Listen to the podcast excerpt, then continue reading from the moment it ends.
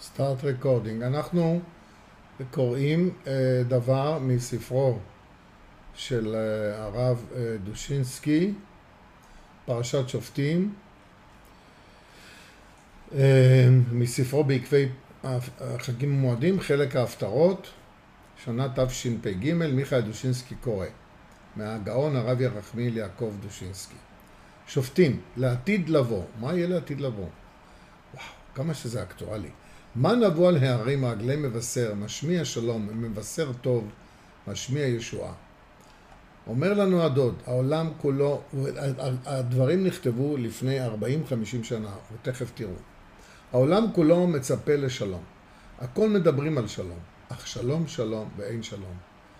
ועכשיו אם הוא מדבר בשנות ה-70, הקומוניזם עלה ב-1917-18, תוסיפו 50 שנה, שנת 67-70.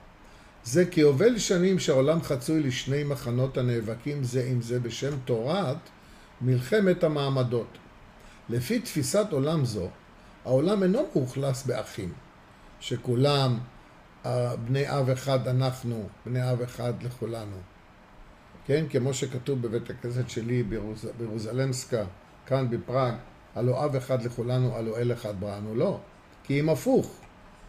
איש את רעהו חיים בלעו, ואויבי איש אנשי ביתו.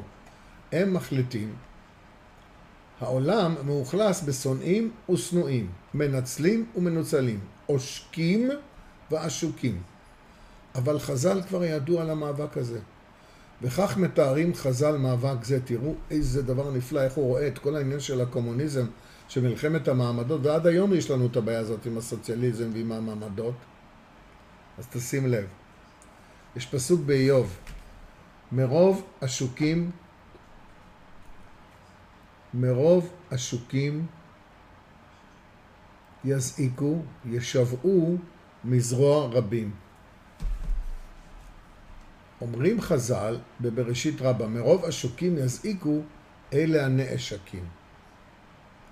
כן? הם, הם, הם, הם זועקים. ישבעו מזרוע רבים אלו העושקים. אז אומרים חז"ל דבר מעניין. אלו רבים על אלו, ואלו רבים על אלו, מרוב השוקים יזעיקו, ישבעו מזרוע רבים, גם הם רבים. אז הוא אומר, אלו רבים על אלו, ואלו רבים על אלו. אלו רבים על אלו בכימוס ממון.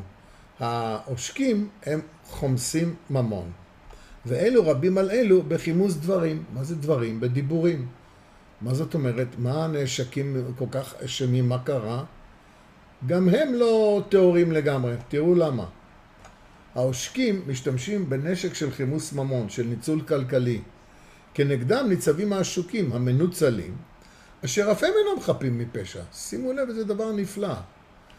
אם מדובר במלחמת מעמדות, הרי שגם הנשקים, אתה מדבר על מלחמה, משתמשים בכלי חמאס, בכוחם, בכימוס דברים, כפי שראינו במשך כל ה-40, 50 ו-60 ו-70 שנה של קומוניזם שהיה ברוסיה משנת 17-18 אה, עד 89, 90, וביתר המדינות שרוסיה השתלטה עליהן וכפתה עליהם את, וכפתה עליהם את השלטון הקומוניסטי, צ'כוסלובקיה, פולין, בולגריה, הונגריה וכולי וכולי, אמ, כל המקומות האלה, מזרח גרמניה, בתעמולה, בסיסמאות ובהסתה ארסית.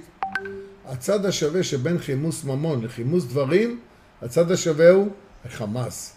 ככתוב, ותמלא הארץ חמאס. ומשום כך אין שלום אמר השם לרשעים. וואו, איזה הסבר חזק לעניין של מלחמת המעמדות, וואו. על מקנהו של איוב אמרו חז"ל, מקנהו של איוב פרץ גדרו של עולם, הוא לא שמר על, ה, על הגדרות. שנאמר, ומקנהו פרץ בארץ. בנוהג שבעולם, זאבים הורגים את הגדיים. מקנהו של איוב, גדיים הורגים את הזאבים. בבא בתרא ט"ו עמוד ב'. הזאבים הטורפים, המנצלים, אנשי חימוס ממון, לוחמים נגד המנוצלים העשוקים, הגדיים. אך לאחר ניצחון המהפרה, כפי שקרה ב, בכל המקומות האלה, שהקומוניזם משתלט, עד היום זה בקוריאה ובצ'יינה, הגדיים של אתמול הופכים לזאבים של מחר וטורפים את הזאבים של אתמול. בכימוס דברים, לא רק בדברים, גם בדברים אחרים. אלו רבים על אלו ואלו רבים על אלו, ואין שלום. ואילו חזון נביאי ישראל נטע בליבנו ציפייה ותקווה ליום בו יקוים החזון וגר זאב עם כבש. יום בו יאמרו הכל מה נבוא על הערים רגלי מבשר, משמיע שלום, מבשר טוב, משמיע ישועה, אומר לציון מלאך אלוהיך. אם מקבלים את מלכות אלוקייך, אז זאב יכול לגור עם כבש, ואין עושקים ועשוקים, ואין מנצלים ומנוצלים, ואין דבר כזה מלחמת מעמדות. שנזכה אולי באמת שהדבר יתקיים גם בדורנו, אמן.